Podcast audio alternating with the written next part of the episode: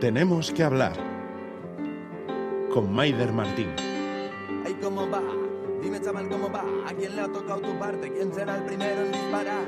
¿Y quién controla? ¿Quién maneja la bola? ¿Cuánto durará el paseo? ¿Quién puede parar la zona?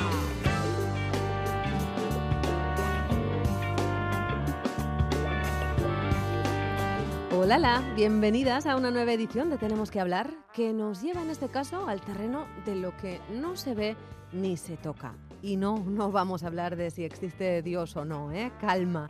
Vamos a hablar de la radio. Lo vamos a hacer porque sí, no porque sea su día ni porque haya una efemérides asociada. No, vamos a hablar de ella porque es del material del que está hecho esta hora que escuchan, esta hora que desde la humildad y el cariño en la producción busca su sitio, porque están haciendo una fórmula híbrida entre el podcast y el programa de radio. Así que somos animales en búsqueda. Tenemos que encontrar no tanto los ingredientes de, de la fórmula, sino la cantidad que de cada uno de ellos tenemos que echar para que salga la receta perfecta. En eso estamos, creciendo con ustedes, que ya saben, nos pueden escuchar cada sábado en directo de 1 a 2 de la tarde y cuando quieran en EITV Podcast, con K. Aunque con K o con C, ¿ustedes tienen claro esto de El Mundo Podcast? ¿Qué es?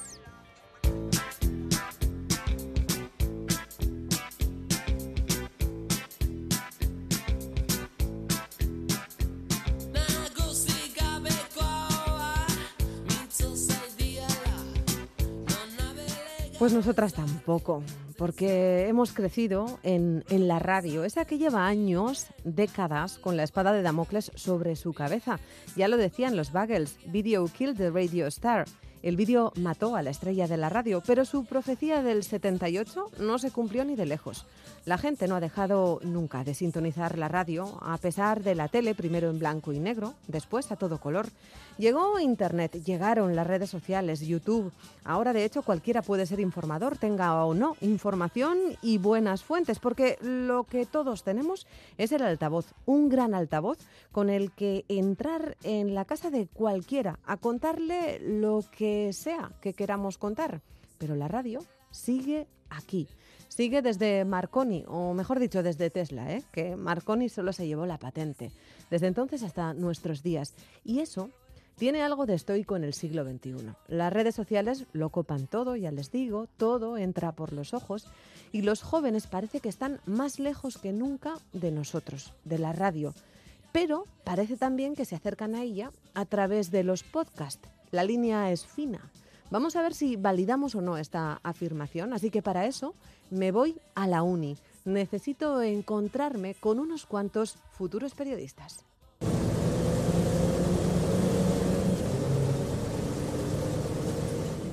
Y la verdad es que tengo suerte. Lo pienso ahora, aquí, mientras estoy yendo en autobús a Leyoa, al campus de la UPV-HU. Voy a encontrarme con Leire, Leire Iturregui. Es la profesora de información en radio de la carrera de periodismo. La cursan los chavales de segundo. La estudiamos los periodistas que seremos cuando todavía estamos demasiado tiernos. Más aún con una pandemia y un curso y medio muy raros de por medio. Bueno, vamos a ver con qué me encuentro, pero sea como sea, he pensado que si he de comenzar este tenemos que hablar por algún lugar, probablemente sea por saber cómo estamos más allá de las estadísticas, por saber si hay relevo generacional entre los oyentes. Nuestros futuros periodistas consumen radio, ¿cómo la consumen? ¿Se han echado ya en brazos de, de los podcasts y de las redes sociales para informarse? Bueno, vamos a tratar de sintonizar con ellos.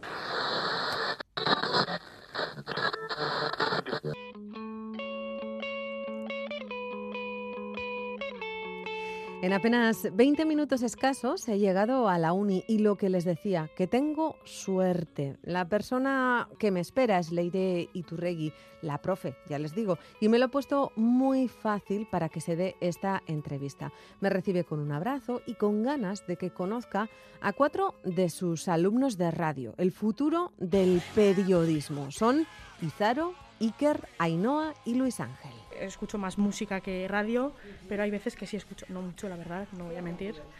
Eh, gastea normalmente. Yo sí escucho la radio, he escuchado la radio toda mi vida. Al principio, cuando era pequeña, los 40 claramente, pero ahora sí más eh, gastea.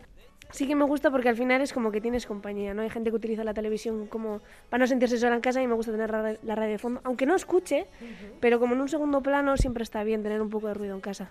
O sea, no es mi preferencia. O sea, si tengo tele en casa, pues es como que lo de- descarto un poco porque en verdad, pues en sí lo que me gusta más, eh, o sea, yo tiro por lo visual más que por lo oído. Yo en casa no suelo escuchar la radio y en el coche cuando voy con mis familiares, pues siempre que haya partido solemos poner tiempo de juego, pero fuera de eso poco más, la verdad. Solemos preferir contenido audiovisual antes que solo el auditivo.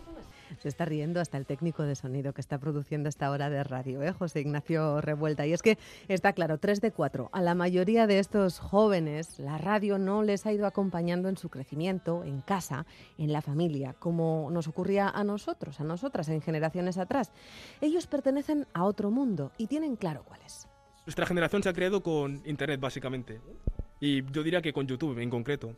De YouTube tenemos ciertos referentes, entonces, esos referentes... ¿Qué son- referentes? Por ejemplo, tú, ¿qué por referentes ejemplo, tienes? yo puedo tener a Ibai Llanos mismamente, a Jordi Wild, youtubers así que llevan en la industria unos 10, 15 años y ahora pues han empezado a realizar podcasts. Entonces, tenemos la oportunidad de escuchar podcasts de gente que realmente nos interese. Y en radio, en cambio, pues igual, escuchas hablar a ciertos periodistas que no sabes ni quiénes son. Entonces, esas personas igual no tienen esa capacidad de atracción como podrían tenerlo los youtubers con los que nos hemos criado. Yo es que, por ejemplo, escucho pues, tirando el chicle, supongo que... Pero lo importante es los temas sobre los que hablan, ¿no? O sea, no solo de inte- es interés general, pero sí que meten un poco más eh, temas eh, relacionados con el tema de la mujer y así. Entonces a mí eso me gusta mogollón. Bueno, ya ven, se interesan por los podcasts. Les pregunto que por qué. Si es porque la radio les parece anticuada, si es porque no les llega, y siempre lo enlazan con la misma idea. A la mayoría de ellos, lo visual, ese primer impacto menos sugerente y más evidente, les parece vital. Viejo no me, no me parece que sea, o sea, quiero decirte, sí que hay gente joven que lo escucha, yo lo escucho muy pocas veces, o sea, mucho, mucho menos que la gente más mayor, pero con eso no, no creo que signifique que es una, un medio de comunicación que sea vieja. Llega menos, pero llega, con menos, pero sigue llegando un poco, digo yo. Pero yo creo que para nosotros los jóvenes, como que es un medio que se está quedando un poco anticuado, pero yo creo que está sabiendo reinventarse con los podcasts. La cosa es que más medios tradicionales sean capaces de crear podcasts y de atraer a gente que piensen que nos puede interesar. Antes he dicho lo de visual. Gastea, por ejemplo, yo no lo consumo eso, no voy al coche y lo pongo, pero por ejemplo sí le sigo en Instagram o en YouTube y sí veo el contenido que, que suelen subir, ¿no? O sea, ya entra lo visual, entonces pues estoy consumiendo una radio visualmente, entonces, o sea que... viejo tú necesitas. Sí, eso es. Sí, yo creo que se adapta. Ya ven, necesitan consumir radio a través de redes sociales. Bueno, en esa adaptación a los tiempos modernos hay algo que la radio ofrece y que no da ningún otro medio habitual, menos un más media, la capacidad de imaginar. E Izaro lo pone en valor. Yo hablo desde mi punto de vista. A mí sí que me ha... Me ha me sale en euskera. Me ha eraguinduado, de cierta manera. Pero eso, no sé, o sea, sí, me llega, no sé, me gusta escucharlo, me gusta, me gusta enterarme porque, no sé, al final, jo, pues es lo típico de la radio, ¿no? Al final son tus ojos, ellos te, te describen la situación y tú te la imaginas. Es básicamente eh, trabajo de imaginación en este caso. Entonces, ah, no sé, a mí me gusta mucho y el enterarme mediante otras personas como si estuviera teniendo una conversación, pero que en verdad yo no estoy participando, o sea, el otro, el otro lado no me escucha, pero eso me gusta a mí, al resto igual no, pero yo sí que creo que tiene cierto, cierto impacto, ¿no? Sí que hace algo y a mí me parece un medio de comunicación que es bastante importante y con mucha fuerza, no tanta como antes, pero que poco a poco se está reventando. La mayoría de estos cuatro jóvenes no habían tenido contacto previo con la radio. Así que les pregunto qué han aprendido o qué les ha sorprendido en esta asignatura. Y creo que es lo mismo que les sorprende a muchos en la calle. Les sorprende cuando contamos cómo es el trabajo aquí dentro, porque la radio no es hablar por hablar. La radio es vertiginosa, pura presión. Yo creo que al final mm, los jóvenes, por lo que hemos dicho antes, de que escuchamos, consumimos menos radio que gente más mayor, tenemos una percepción del solo sabemos, vale, pues hay gente que habla y que pone música. Y que no sabemos tampoco qué hay más allá. Y yo con esta asignatura sí que es verdad que yo pensaba que la radio era más llevadero, no sé cómo decir, como más fácil, Más hablar, solo hablar, más ¿no? hablar y, y más con tiempo tal, pero aquí en esta asignatura me estoy dando cuenta de que es eso, pim pam, pim pam, pim pam, todo el rato, todo el rato, y a- un agobio que, que, no, que no tenía ni idea, la verdad, o sea, ni de lejos me lo imaginaba. descubierto que es el estrés, la verdad. Yo me quejaba, digo, bueno, yo qué sé, estudiar no te da tiempo. No, no, es, tienes que estar escribiendo noticias y de repente aparece el aire con más alvistes y tú, ala, venga, vas a escribir más. Y tienes que cambiarlo todo. Entonces, agobio, estrés, está guay, está guay porque es divertido, pero te agobias mogollón. O sea, que vas sudando y digo, bueno, pues el deporte del día hecho. Porque madre mía, Lo más bueno os voy colocando entre los compañeros, que con esta asignatura creo que aprendemos a trabajar bajo presión, que es algo fundamental, que seguramente es algo que nos vaya a pasar constantemente. Luego también creo que es muy importante para aprender a, gesti- a gestionar los nervios delante de un micrófono, porque es algo que parece muy simple, pero quieras o no, te ves enfrente de un micrófono con gente en el plató, eh, luego un marcador y dices, joder. Y el hecho de que muchas veces como que no tengas oportunidad de repetirle alguna, alguna cosa que vayas a decir en la radio, como que te autoexiges a hacerlo mejor. Entonces, creo que esa presión nos, nos viene bastante bien. Bueno, mientras mantengo esta conversación con los cuatro jóvenes veinteañeros, estudiantes de periodismo, estudiantes de radio, su profesora Leire Iturregui les mira y apunta lo que ellos van diciendo con una sonrisa. Le pregunto por qué. Y es certera. Pone en valor algunas cosas. Para empezar, el poder empoderador de las palabras. ¿Y qué es la radio? Pues no es más que un altavoz inmenso para ellas. A mí me parece que es una asignatura esencial en la formación periodística, no solo porque es un medio de referencia, eh, la radio, sino porque me parece que es muy empoderadora también. ¿no? ¿Por Eh, qué? Pues porque tú ahora mismo has conseguido eh, declaraciones de mis alumnos que yo durante todo el cuatrimestre no he conseguido. Y eso es gracias al micrófono. Y, y luego hay un elemento muy interesante que, que lo ha mencionado también Iker y es, eh, ellos no escuchan la radio, sienten la radio como algo ajeno, pero cuando empiezan a hacer radio ya lo ven con otros ojos, porque se ponen delante de ese micrófono, notan la tensión, 3, 2, 1, entramos, y ahí empiezan como a sacar esa voz, ese, ¿no? Algunos se ahogan las primeras, eh, en las primeras, pero empiezan a intentar controlar esa posición, esa proyección, qué es lo que dicen, cómo lo dicen, piensan que improvisando y no, y no. Y entonces se obligan y se tensionan, de manera positiva quiero pensar, a hacerlo bien. Y sí me parece que es eh, muy empoderador en el sentido de que tú tienes que, tienes que trabajar mucho lo que dices, bueno, en cualquier medio de comunicación, ¿no? Pero sí te permite cierta intimidad y, y bueno, luego que se descubre esa, esa magia de la radio. que Nadie sabe lo que es, pero que es verdad, existe. Existe, sí, sí. Bueno, pues si la radio es magia o tiene magia controlada, medida, trabajada, muy trabajada, pero magia al fin y al cabo, ¿por qué no engancha a estos jóvenes periodistas? Pues, Por un lado, yo creo que hay una desconexión con respecto al consumo informativo. O sea, que no es una generación que, que, que, que consuma información. Información, me da igual a través de la radio, la tele, o porque, bueno, pues lo que hemos hablado es más de entretenimiento. Entonces tenemos un problema con, con la comunicación. Y ayer, en, en unas jornadas eh, que se celebraron en, en Donosti, en la DIPU, hablábamos también de, de eso, de que cuando tú no conoces a los personajes de una serie, la serie no te interesa. Entonces, cuando tienes esa desconexión informativa y no sabes quién es quién en el panorama informativo, pues es muy difícil que te enganche la información. Y entonces eso, eh, ahora como les tengo delante, se lo voy a decir, eso es su responsabilidad. Como ciudadanos y ciudadanas, pero también, y más aún, como futuros profesionales de la información. Entonces, hay que conectarse. Hay que conectarse. A pesar de esto, Leire mira con orgullo a sus alumnos. Se saben explicar, tienen las ideas claras y Turrey sabe que en 14 semanas han aprendido mucho. Pero ella está apuntando, o estaba apuntando y apuntando sin parar lo que decían los chavales. Así que la preguntona que soy tiene que solventar la duda. ¿Qué escribe, qué escribía con tanto esmero en ese cuaderno la profesora mientras hablábamos? Eh, he marcado efectivamente lo del consumo informativo porque es algo que me preocupa. Entonces creo que vamos a dar una vuelta a ese asunto el año que viene, que no les tendré, pero ya les pillaré en algún otro momento.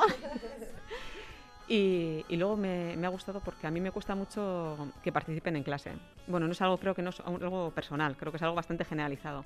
O sea, cuesta mucho esa, esa participación cuando eso debería ser la base en las clases eh, y más en el grado de periodismo, donde el debate, la defensa de una opinión, de, eh, de una, la exposición de una información, todo eso debería estar, la oralidad debería estar súper trabajada. Entonces nos cuesta, no sé muy bien por qué, pero hay un- un- una dificultad y eso que ya no tenemos tarimas en clase. Eh, no, pero aún así, y que me paseo y, y que les pincho y tal, y que a veces soy un poco borde, pero no, no conseguimos que se suelten y entonces es lo que consigo un micro. Poner el micro y clank, hay que, hay que entrar. Entonces eso me ha gustado, me ha gustado mucho. Y sí, he apuntado cosas muy interesantes, a ver si aprendo yo también, que tengo que aprender. Y aprendo todos los años muchísimo de ellos y de ellas. Pues le iré. Chicos, ha sido un placer. Gracias por prestaros a, a esta entrevista. Y si queréis, en ese medio en el que no se trabaja con imagen, en concreto en Radio Euskadi, a partir de la una el sábado os podéis escuchar. ¿Vale? Es que recasco. Si no algún podcast en Twitter lo pondréis. Eso es, pero poned la radio y luego ya os vais a tomar algo. ¿eh? Es que recasco.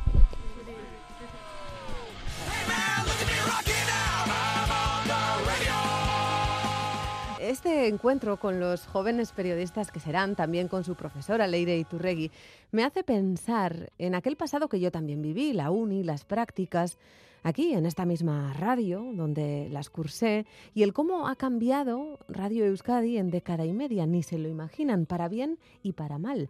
El futuro de la radio generalista parece que es híbrido, parece que se quiere encontrar con los podcasts, pero son dos mundos que tienen, digamos, tempos de cocción diferentes. El podcast es más lento, se acerca más a esa radio de antes, con menos prisa, con conversación más extensa, más pausada. Ay, la radio, cómo ha cambiado, ya les digo. Pero mejor que yo, esto lo sabe bien un hombre que casi vivió nacer Radio Euskadi y que ahora se está jubilando, pero que ha sido una de las voces de referencia de la información pura y dura y de la cultura. Es Quique Martín. Así que le mando unos cuantos WhatsApps cuando me acuerdo de él. Me gustaría mucho que participara en esta conversación larga de una hora sobre la radio, sobre su futuro, sobre su encuentro con el mundo podcast, porque poca gente habla con tanta pasión como él de su trabajo. Se lo propongo y dice que sí, claro que sí. ¿Cómo estás, Quique? Muy bien, Maider, gracias. Pensaba que me ibas a decir, pues lejos de la radio ya, perdiendo de vista. No, no, no es cierto eso. Además, tú ya sabes que aunque estoy semi jubilado, porque no estoy jubilado del todo, todavía me tengo un pequeño huequito aquí en, la- en Radio Euskadi. ¿En así- Pompas? En Pompas de Papel, sí, en el programa literario. Em, ¿Cómo nos vives en la distancia? Pues mira, eh, es una buena pregunta. esa. ¿Pones la radio y te muerdes las uñas o qué? Eh, no, pongo la radio y primero eh, escucho con mucho cariño la radio en la que he estado tanto tiempo y os sigo de, de cerca, no tan de cerca como antes, también lo voy a decir. ¿eh? no, no es, no es que os haya olvidado, sino que sí, sí que se establece una cierta distancia física. Claro, no, no te ves con la gente que habla Sí. por la radio todos los días. Sí, sí. Entonces, bueno, pues no, no, no, no qui- quiero decir que sea más crítico, sino que veo con otros ojos. Veo, veo más de la radio como oyente que como profesional dedicado a la radio. Pero haces eso que hacemos todos, por lo menos a mí me ocurre cuando estoy de vacaciones, que le hablo a la radio.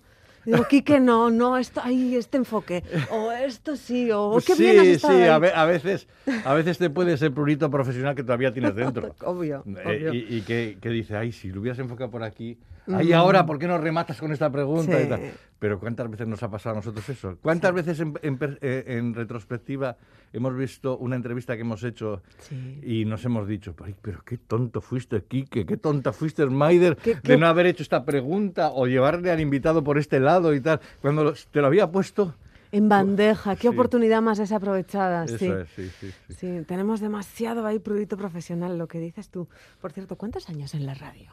Uf, pues profesionalmente desde el año 80.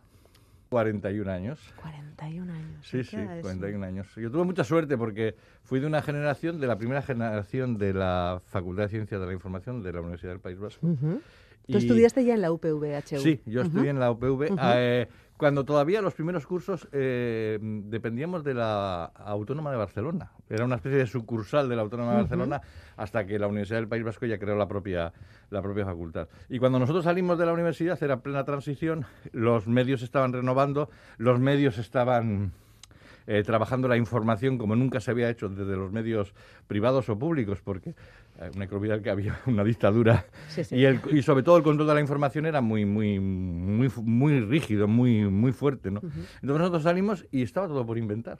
No se había hecho información más o menos libre, entre comillas, ¿no? Y nos encontramos con un mundo maravilloso.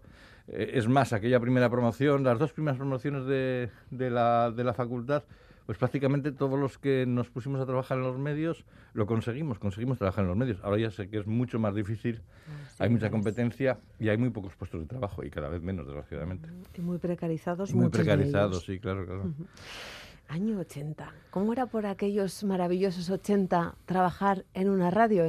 Bueno, yo empecé en Herri Ratia, Ujú, en Bilbao. ujú. Y en Herri Ratia, ja- es que yo me había criado con las voces de Herri Ratia. Y, y de repente me encuentro allí con, con gente que había admirado muchísimo, ¿no? Y yo era un pipiolo, acababa de terminar la, la, la carrera, había entrado como becario. Y bueno, ante aquellos monstruos, es que no abría la boca y no me salían ni las palabras cuando Sí, me ponía delante sí. del, del micrófono. Y sin embargo, reconozco que toda esa gente eh, me ayudó muchísimo. Era gente muy generosa. y tal. Ahí conocí a mi amigo del alma, Félix Linares, que trabajaba allí y que, porque Félix tiene 10 años más que yo, y entonces eh, me cogió casi como si fuera maestro y, pupilo, ¿no? Esa, relación se estableció desde ahí y luego ya derivó a la amistad. No, pero en aquellos momentos esa relación fue muy importante para mí y la que tuvieron conmigo otros. Y al de unos años ya nos pasamos a Radio Euskadi cuando se creó la radio pública en la comunidad autónoma vasca y, y fue crearlo todo de cero. Porque sí que había habido una radio Euskadi en el exilio, primero en Iparralde y luego en Venezuela, pero no era lo Pero mismo. era otra cosa, Era sí, una radio de resistencia sí, y lo nuestro iba, era- iba a ser la radio institucional del país. Radio Euskadi, Euskadi Ratia, Radio Vitoria, luego Gastea y tal. Y claro, era, fue apasionante, pero fue también duro, ¿eh? Porque metíamos horas. No os podéis imaginar las horas que metíamos. Éramos muy vocacionales. Entonces, eh, trabajar en la radio para nosotros era maravilloso. Pero trabajar en la radio pública, es que no, eh, la gente no sabe lo que era ello, aquello. Es que no había una radio pública. Bueno, sí, había una radio pública franquista. Hasta, hasta, que, hasta, hasta que murió Franco. Y luego de repente todo estalló y empezó a crearse un periodismo radiofónico, como se creó un periodismo escrito, como se creó un periodismo televisivo totalmente nuevo, ¿no? Los oyentes no lo saben, pero yo te miro y te miro, y tú, que vas con tu FFP2 bien puesta, ahí, ¿eh? gesticulas, vives con pasión cada palabra que dices, te brillan los ojos hablando de la radio y de la radio pública, Sí, como dices tú, siempre, siempre. ¿eh? Ese apellido es muy importante, yo creo que para todos los que trabajamos aquí, Mm. más aún cuando comenzaste tú, porque hubo que arrancarlo absolutamente todo. Claro, claro, claro. Y en aquellos momentos, eh, trabajar con información y para informar era tan vertiginoso como, como es ahora, porque eh, los medios técnicos no eran ni parecidos. Sí, yo creo que era, vamos a ver, que... Era quizá más artesano. Que quiero hacer una puntualización. Cuando uno mira al pasado y cuando ese pasado coincide con su juventud, suele ser muy generoso. o sea, quiero decir, puede caer, en la, puede caer en la tentación de decir, jo, qué tiempos aquellos, qué buenos eran y tal. Estos también son buenos tiempos. Claro Son sí. otros tiempos y, y la gente joven los vivirá, de- cuando los recuerde, dentro de unos años, los vivirá con auténtica pasión. Hmm. Pero dicho esto, eh, aquellos tiempos fueron muy especiales porque, porque la política estaba por hacerse, o sea, no se Sí. había hecho política y los periodistas y los políticos eh, nos empezamos con- a, a conocer realmente. Eh, echo de menos una cosa, la cercanía. Había muchísima cercanía. Tú entrabas a una institución por la puerta y nadie te paraba. Ibas a la Diputación, ibas a un ayuntamiento, ibas a la sede del, del, primer- del nuevo gobierno vasco y tal. Y tenías un tú a tú y te encontrabas con el Endacari por la, por la escalera. Hombre, Carlos, Garricochea, ¿qué tal? ¿Cómo estabas? Y te saludaban y, to- y todos. Tampoco éramos tantos, éramos. Claro, era un éramos mundo muy reducido, O sea, sí. esa cercanía era muy buena. Seguramente alguno dirá, "Buah, pues igual no tan buena, ¿no? Porque si estás muy cerca de la gente de la que tienes que informar, igual te contaminas un poco. Pero el acceso a la información, que ahora se hace a través de Internet, era un acceso a, a fu- a primeras fuentes. Claro, y ahí está tu profesionalidad también para ponerle Claro, distancia. hombre, claro, hombre. Obvio. Por favor. Por cierto, ¿cuántos años en informativos? Uh, muchísimos años. Yo, fíjate, yo he estado, vamos a ver, aproximadamente 40 años, 40, 39, 38 años en Radio Euskadi. Casi desde que se fundó. Yo entré en Radio Euskadi ocho meses después de que se eh, emitiera la primera, el primer programa. Y yo creo que la mitad de mi vida profesional ha estado ahí. Bueno, más de la mitad de mi vida profesional. Yo unos 25 años aproximadamente. Y luego además es una, formativos, sí, ¿eh? es una cosa muy curiosa porque a mí, como, como éramos todos nuevos y no sabíamos hacer casi de nada y teníamos que hacer de todo, pues entonces empezaba, empezabas muy pronto estando en la calle, o sea, eh, rápidamente ibas a trabajar en la calle, pero claro, había que editar. Y, y el salto a la edición era también muy rápido. Porque como fuimos los primeros que llegamos, los de mi generación, a, a, a, a Radio Euskadi en este caso, pues esos primeros, cuando lleg- fueron llegando los segundos y los terceros, se convirtieron en editores. Pero más que nada porque sabíamos un poquito más, un año más o dos años más que los que venían detrás. Y entonces, caray, eh, y eso es una cosa que me apena mucho, ¿eh? Tuve que dejar la calle muy pronto. y, en- y- y enseguida me metí a editar informativos y, bueno, estuve como 15 años editando el informativo de mediodía. Unos cuantos años en, en Gambara también, al principio de todo de Gambara, por cierto, Vaya. y también haciendo el Boulevard eh, informativo, en la parte informativa, porque antes se dividía todo un poquito más. Pero bueno, fueron que, buenos momentos. Seguro que no te acuerdas, pero cuando yo entré como un pollo mojado, tú fuiste el primer editor que tuve. el fin de semana. Pues, pues mira, no me acordaba, pero está bien que me lo recuerdes. Claro, pues yo entré ahí al turno de fin de semana y conocí a un tal Quique Martín y me acuerdo que no sé qué crónica me diste, pues de estas de, del de las exprofeso para la gente que empieza. Sí, sí. Y recuerdo que, que cité a Juan Ramón Jiménez y me miraste así y me dijiste, Juan Ramón Jiménez, ¿eh? Me parece bien. Vaya, una culta, seguro que pensé. A, par- a partir de ahora vas a cerrar el informativo tú todos los sábados y todos los domingos. sí. Y así empecé a... Yo era muy cariñoso y tú lo Sí, sabes. eres los- muy amoroso, con, los be- con muchísimo, los becarios. muchísimo. Porque yo me, me reflejaba en todos vosotros. Invertías tiempo en yo, yo, yo sabía lo importante, lo que te he dicho antes, lo Mm. importante que era que alguien te acogiera cuando llegabas a los Mm. medios Mm. y que te guiara y que te ayudara y que Mm. porque esos primeros momentos son muy difíciles para la gente que empieza, ¿eh? Son muy duros. Estás, vamos, estás sin paraguas. Sí. De repente has, en- eh, has entrado en pleno temporal a un sitio en el que no sabes cómo moverte, ¿no? Sí. Y mm, yo, yo creo que la relación con los becarios es muy importante, porque además los becarios, con todos aprendemos de la gente que nos guía al principio. Y si esa guía es honesta, es delicada, es amistosa, es amable, yo hablo mucho de la amabilidad, porque todo el que me conoce eh, sabe que para mí uno de los mayores valores de la sociedad tiene que ser la amabilidad. Mm. Bueno, pues si esa persona te ha- hace eso contigo, es posible que tú lo hagas con Sí, otros. Totalmente. Y eso es una especie de cadena, no me gusta Claro. ese rollo de la Sí, cadena sí, y tal, sí, de favores y tal, pero esa, esa cadena de sentimientos y, de, y, de, y de afrontar, la forma de afrontar eh, la- lo profesional me parece muy importante.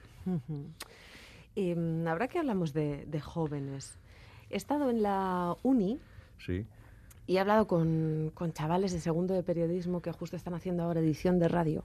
sí. Y les preguntaba, ¿no? Si os escuchan la radio. Y más allá de Gastea, para empezar, no escuchan nada.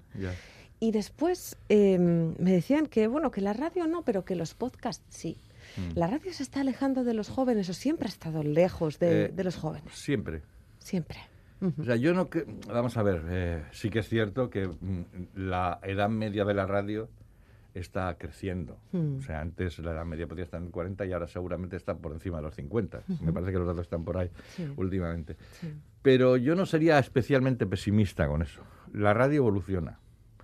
Y todo el mundo decía que cuando la tele apareció iba a desaparecer la radio. No, no es cierto. Por- Ilusos. claro, ¿verdad? no, y porque hay momentos en los que no podemos prestar atención visual a, un, a una pantalla. Entonces, bueno, pues cuando nos levantamos, la radio nos acompaña. Cuando vamos en el coche, la radio nos acompaña. ¿Y qué es radio en estos momentos? Radio son muchas cosas. Es lo que se escucha en directo, pero lo que se escucha también grabado y on- online. Los podcasts no dejan de ser más que programas de radio que se han convertido en, en programas de radio en otro formato. ¿Para ti hay algún matiz, alguna diferencia entre podcast y radio y No, programa de eh, radio? Mira, los que tenemos una cierta edad, Sí. Eh, cuando nos dicen, jo, esto no se ha hecho nada y lo vamos a hacer en podcast y tal. No, mentís. Eso se hizo. Lo que pasa que antes en la radio, incluso en la radio generalista, entraba todo eso. Y ahora ya no entra.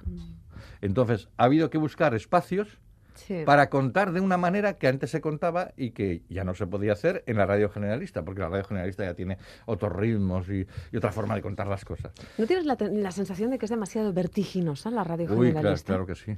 Claro que, no- que- que al oyente no le da tiempo como a pensar, a digerir la información que le ofrecemos Claro que sí, sí. a cada segundo. Sí, yo creo que antes eh, quizás había más tiempo para que para que en prime time mm, hiciéramos una entrevista de media hora y no pasaba nada. Ahora uf, eso es imposible. Eso tiene que trasladarse al podcast. Bueno, pero está bien. O sea, que decir, eh, la radio no- tiene que evolucionar con los, con los tiempos, con, con los, con los avances tecnológicos, con la forma de consumir de la gente. O sea, no, no, no podemos quedarnos parados. Seguramente vendrán, en el futuro habrá mm, profesionales que harán una radio maravillosa. No, no soy pesimista en ese sentido. Pero no es porque hayamos perdido la capacidad de conversar, por ejemplo, ¿no? De mantener una conversación con alguien que es interesante Mm. durante media hora. Yo creo que hay que recuperar esa sensación de Mm. que estar escuchando una conversación durante media hora no es perder el tiempo. Ahora tenemos la sensación de que si algo dura más de cinco minutos, ya es una chapa. Sí. Que no, hombre, que no. Que- que- que- mira, y, a- ¿sabes? A mí me asombra todavía que haya gente que vaya a presentaciones de... eh, cu- cu- yo, tú sabes que estoy muy ligado con el tema de la cultura, ¿no? Sí. Presentaciones de libros, presentaciones de películas, eh, charlas sobre una cosa y otra. Y ves a la gente, pues se tira una hora ahí. Vale. Por algo será, ¿no? Claro, algunos van porque luego quieren que les firme el autor o, o tener unas palabras con el autor personales y tal. Mm. Pero eso demuestra que hay gente que es, que es capaz de estar un buen rato escuchando a alguien porque le parece que ese alguien tiene algo interesante que contar y que merece ser escuchado. ¿Qué has encontrado tú en, en la cultura que te ha cautivado y que no has parado hasta que, vamos, has tenido un, un hijo como Islandia, ¿no? Ahí con, con Félix, a medias. Claro, claro. Es que la cultura explica el mundo. Sí. Sin la cultura... Es emocionante, la- ¿verdad? La, la cultura es una palabra tan amplia, Hmm. pero yo creo que todos sabemos eh, lo que significa.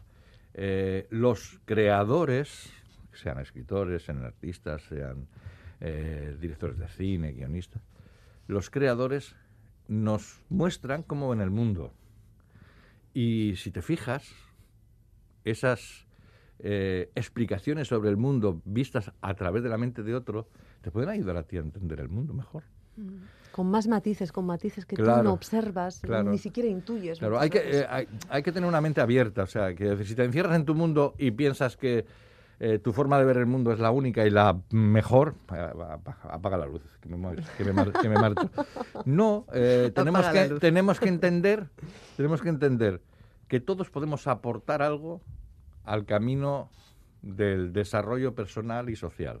Todos. Tenemos una pequeña aportación. Pero es una pequeña aportación, somos muchos en el mundo. Entonces, bueno, pues trabájatelo. Escucha un poco. Escucha radio, lee cultura, ve cultura, déjate impactar, conmocionar, ¿no? Porque a través de las emociones llega Claro. todo mucho mejor y más fácil al intelecto luego, ¿no? Eh, Yo siempre he dicho que si algo no me emociona, No han eh, perdido. eh, en el sentido, eh, la gente entiende emocionar en el sentido, ay, qué bien, que me emociona, qué maravilla, que no emocionar, te puede emocionar algo que te produce, que te produzca un shock, Sí, O rechazo, un rechazo terrible. Bueno, pues eso, sí. eso, es, eso es emocionar. Mm, por supuesto. Tienes que buscar la emoción, intentar encontrarla. Y, t- y- y- y, por otro lado, también tú dar emoción a los demás, ¿no? Explicarles a los demás cómo ves tu mundo, ¿no? A veces nos echas de menos, aunque vengas un poquito a Sí, pompas hombre, o qué. sí, sí. Sí, Maider, qué pesada eres. Y llévate el titular ya, hombre, Maider. Sí, sí, sí, sí, hombre, claro que sí. Por eso vengo. Y cuando me has invitado digo, hombre, claro que voy. No, sí, sí. Miren, pues hemos querido invitar a Tenemos que hablar a Quique, a Quique Martín, no porque esto sea eh, nepotismo ilustrado, ¿no? Los Martín, aquí estamos los Martín, Que también. que parece que somos tío y sobrina o algo así. ¿eh, Quique? No, no somos familia, hay muchos Martín por aquí perdidos, Yo ¿verdad? soy a Martín, también está por También, ahí. también.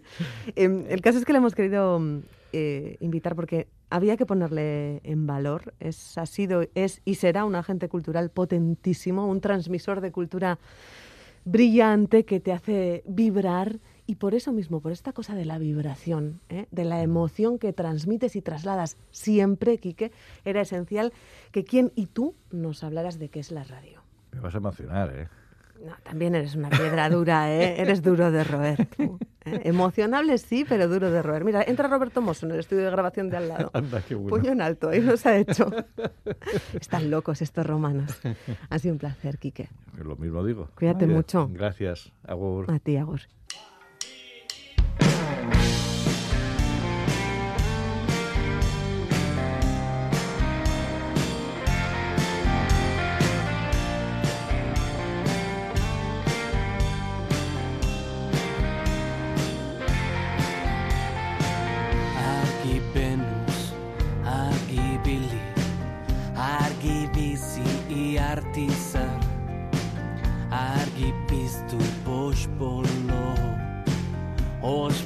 zakarra da golo.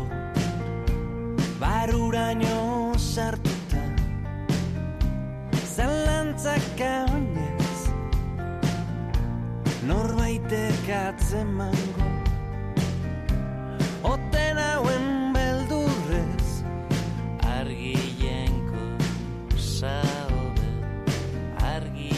Bueno, pues ya han escuchado aquí qué, alegría. ¿eh? Y habrá que hacerle caso al sabio, al experimentado y aprender a recuperar otros tempos, a encontrarnos con la calma en la radio, con la profundidad de las palabras, con las conversaciones extensas. Quizá eso sea un podcast, aunque tenemos claro también que es algo más. Un lugar en el que las cosas se cuecen a fuego lento. Y cuando digo cocer, digo producir donde los detalles se cuidan al máximo, donde los silencios y los ruidos extraños tienen su espacio, porque las atmósferas importan mucho. Pero ¿en qué cantidad tenemos que echar los ingredientes adecuados para tener un buen podcast y para que el podcast no sea radio? Quizá nos pueda dar luz Oyer Aranzábal. Es un tipo muy joven y como el anuncio sobradamente preparado. Ha dirigido películas documentales, ha dado forma a proyectos periodísticos íntegramente en euskera y se ha dejado atrapar por el sonido. Es una de esas personas, de hecho, que lo ve, que lo puede acariciar y que lo sabe transmitir. Con ese superpoder ha creado Archipelagoa o también su, su hijo más querido, Barruan Gaudé. Dos fórmulas que pueden escuchar en EITV Podcast. O más que escuchar, las pueden degustar. ¿Quién mejor que él para darnos la receta de un buen podcast? Oyer Aranzábal, Ongi Torri, ¿cómo estás? Muy bien, muy bien. Y encantado de estar contigo aquí, hablando. hablando, hablando, hablando con calma, ¿eh? que es lo que nos gusta. Eso es. Eh, Yo tengo una duda y la expongo así como para desnudarme desde el principio. ¿Cómo, ¿Cómo, se define, cómo definirías tú a alguien que ha dado forma a proyectos periodísticos, a grupos musicales, a podcast e incluso una peli documental? Un inconsciente. vale, total, pues entonces... Un inconsciente total. Ahora sí, Oyer Aranzábal, inconsciente total, ¿cómo estás? ¿No? Muy bien. y de todo lo que has hecho, ¿con qué te quedas? Pues no sé decirte, la verdad. Eh, me quedo quizá con aquello que no ha salido porque siempre se conoce lo que ha salido, lo que ha salido bien, pero hay muchas cosas que no salen bien y que no se conocen y quizá es lo que más nos ayuda a aprender. Mm. Eh, igual me quedo con eso. ¿Y cuáles han sido esos errores? ¿Alguno que no olvides?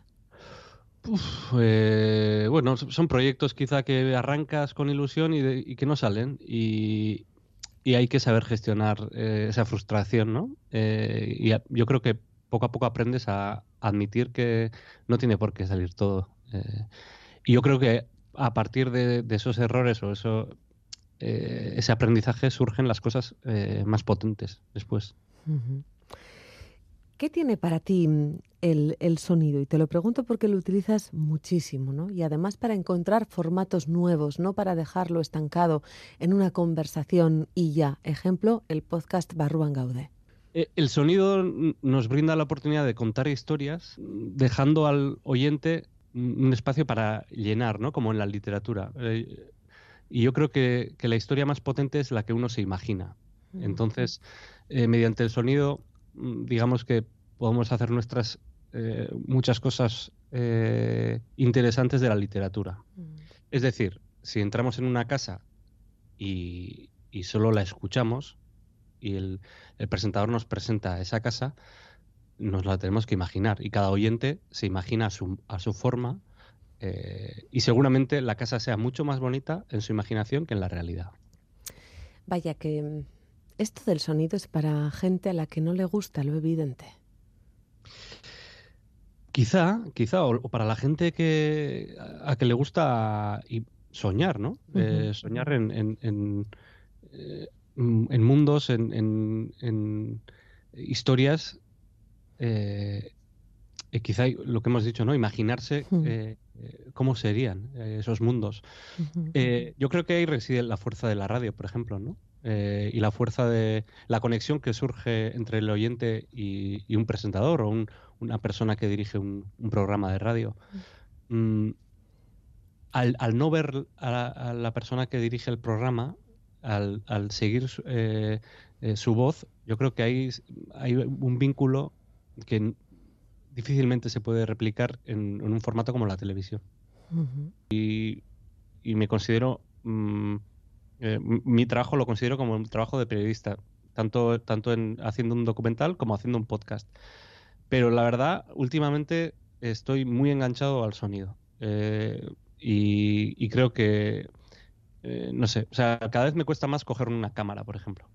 Normal, normal. Será que trabajo en la radio, pero lo entiendo. Entiendo que la capacidad que brinda la palabra, la oralidad para imaginar, no la tiene eh, ningún otro medio o método periodístico y nos hemos valido demasiado poco de eso. Desaparecieron las radionovelas, ahora han aparecido los podcasts y nos ofrecen ficción y no ficción, a veces de una manera muy válida y muy interesante. ¿Qué diferencia encuentras tú entre podcast y radio? En versión entretenimiento, ¿eh? Eh, pues no tendrían por qué ser distintos. Eh, pero al, al brindar contenidos en, eh, a la carta, on demand, pues eso hace que, que, por ejemplo, la edición mm, cobre más, más protagonismo, eh, que nos pensemos quizá más cómo presentar eh, ciertas historias, que no estemos atados al- a, a la emisión en directo, ¿no? Eh, que define mucho a la radio en este caso. No sé, yo me quedo con, con lo que me- dijo Isabel Cadenas Cañón y, y- y que yo creo que es verdad que la radio y, y el, el podcast no tendrían por qué ser diferentes, eh, que se puede hacer otro tipo de podcast y otro tipo de radio diferente, no sé. Eh, el ejemplo claro es Radiolab, que para mí es el referente eh, absoluto en Estados Unidos, que es un programa de radio, pero a su vez es un podcast. Isabel Cadenas Cañón, por cierto, es podcaster, sí, ¿no? Esta sí decimos podcaster o cómo la definimos a Isabel. Bueno, Sí, ¿no? Sé, no sé des- no- cómo definirla. Sí, es, es podcaster. Evidentemente, Sí. eh, bueno, con, eh, de eso no se habla. Ha hecho para mí un- el mejor podcast eh, producido en, en habla hispana. Para mí también, sí. Sí, para es mí muy es lo sensible, sí, y tiene una utilización de los silencios abrumadoramente bella, ¿no? Y, y trabajar con palabras y que los silencios estén bien utilizados, esa sí que es la verdadera magia, ¿no? ¿No crees? Eh, sí, lo creo. ¿Y no crees que en la radio se tiene mucho miedo a los silencios? Muchísimo, muchísimo, nos aterran. Creo que por eso tenemos esa obligación de ir demasiado rápidos, de correr demasiado. Y creo que los podcasts, lo que aquí está la periodista dando la opinión, pero no te hacía la entrevista yo a ti ayer. bueno, es una charla. Es una charla. Venga, te lo compro. Y creo que la diferencia entre podcast y radio está en ese tiempo de cocción, en ese mimo que se le pone a la, a la edición. Eso, ese, ese yo no sé qué, ¿no? Que dicen los franceses, ese je ne sais quoi, que marca la diferencia. Y es la edición. ¿no? La El cocina. reposo. Eso es. La cocina, eh, el fuego lento. Es verdad, es verdad que eh, yo no solo en la radio, diría que en, en el periodismo en general eh, nos puede eso de ser los primeros en publicar, eso de correr, ¿no? Mm. Que- y ya no sabemos muy bien por qué corremos, ¿no? Yo creo. Tal cual, pero como en la vida, ¿eh? en la vida también, sí, sí. Y, y yo creo que el audio, sea, volver al audio, pero desde, el- desde un punto de vista más slow, ¿no? Slow Mm, journalism. Sí, sí, Eh, slow journalism. Voy a defender eso, ¿eh? Me ha gustado. Sí, sí, es un concepto que no solo en el periodismo, en otros, Mm, eh, sí. en otros ámbitos también hay que defender, es pararse y contar historias con, con un poco de perspectiva y, y con una tranquilidad, eh, buscar esa tranquilidad, ¿no? Yo reivindicaría esa tranquilidad no solo para los podcasts, también para la radio, ¿por qué no? ¿Por Sí. qué no, por qué no hacer una emisión en directo pero plantearlo de otra forma, ¿no? Mm. Eh, o por qué no eh, utilizar los podcasts también en la radio. O sea, es una cosa que yo creo que los podcasts también podrían tener su espacio en la radio eh, y viceversa, claro. Yo creo que hay que buscar, eh, en vez de intentar diferenciar la radio del podcast y, y de- el podcast de la radio, yo creo que habría que buscar una convergencia entre ambos. Hmm. Antes de hablar contigo, he estado en, en la uni, en la Facultad de Periodismo, en Leyoa, eh, para dejar hablar a los jóvenes, ¿no? Para ponerles el micro y preguntarles por la radio si les interesa, si no, cómo y hasta dónde les interesa. Y bueno, no me ha sorprendido y supongo que a ti tampoco, pero les he notado bastante desconectados para empezar de, la actualidad. Decían, eso sí, reconectarse a la actualidad eh, a través de los podcasts, pero porque, eh, fíjate, ¿eh? me decían que les sirven para encontrarse con figuras que les interesan y esas figuras, ojo, son youtubers. Sí, yo creo que cuando hablamos de actualidad, eh, quizá hay más de una actualidad, ¿no? Y, Mm. y quizá, eh, no sé si ellos están desconectados o si nosotros lo Mm. estamos, no sé. Eh, qui- quizá, quizá son ambas cosas, ¿no? Pero, pero sí, pero sí, yo creo que eh, lo que está pasando es imparable. va- lo- esto va a pasar. En- eh, yo creo que, que en un futuro la radio evidentemente existirá, pero será de otra forma. Y, y yo creo que viene esa convergencia que hemos hablado. Eh, la radio en otros países ya se, han- se ha empezado a escuchar eh, por internet. Pero no digo por internet eh, metiéndote en un navegador, sino en el coche, en vez de sintonizar FM, sintonizarlo por internet.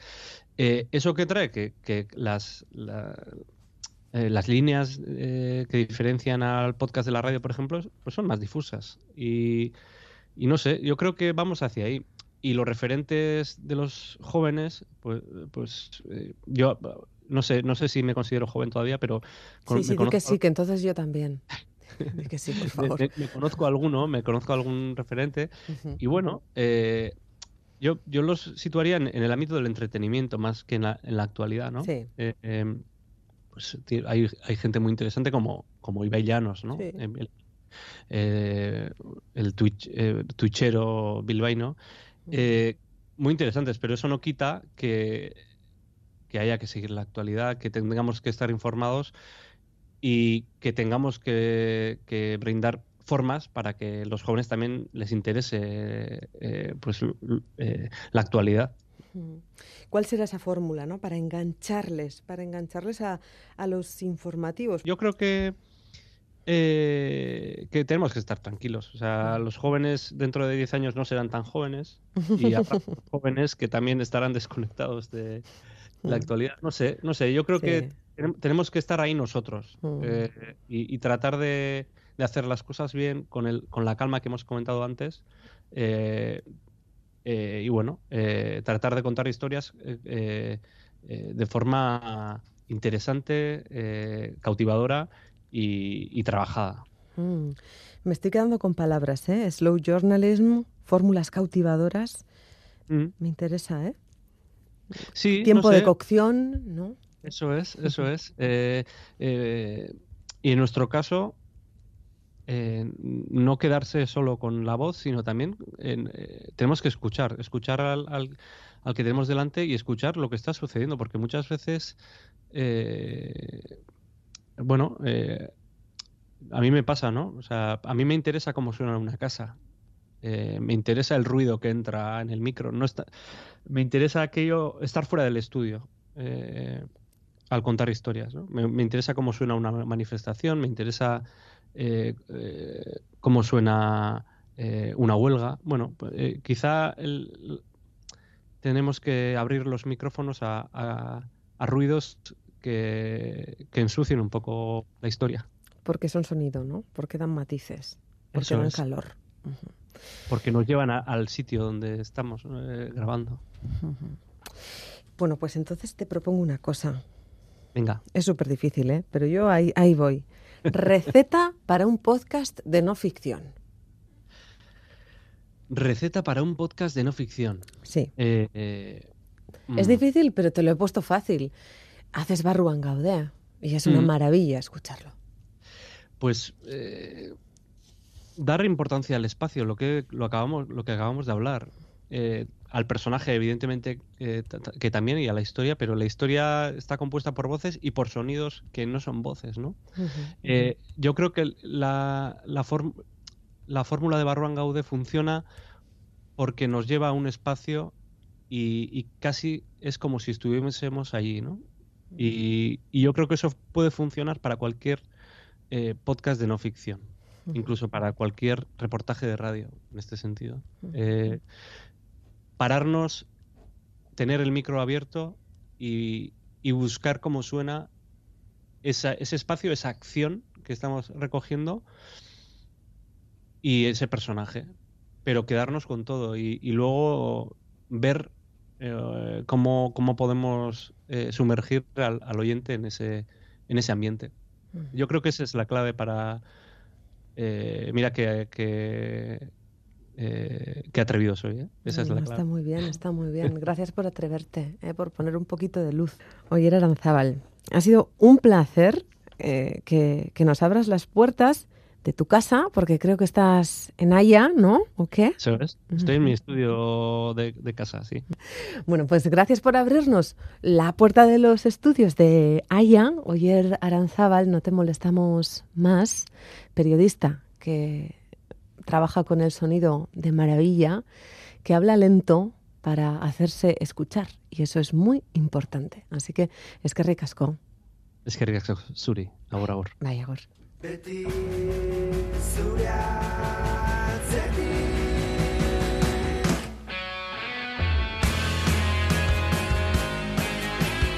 Pues eso, que como dice Peiremans, siempre detrás de ti, oyente, siempre contigo, en tu casa, como un eco en tus cascos, susurrándote la vida al oído, susurrándote quizá una historia mínima de esas que pasan desapercibidas, pero que con la fórmula adecuada, podcast o radio, radio o podcast, adquiere otra dimensión.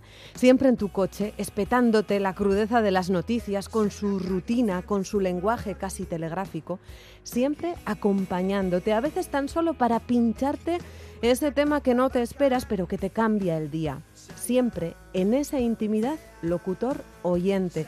Ahora, con fórmulas híbridas, medio podcast, medio radio, pero siempre aquí, contigo, en el lugar en el que las palabras cobran vida, porque tenemos que hablar para encontrarnos. Onde Billy.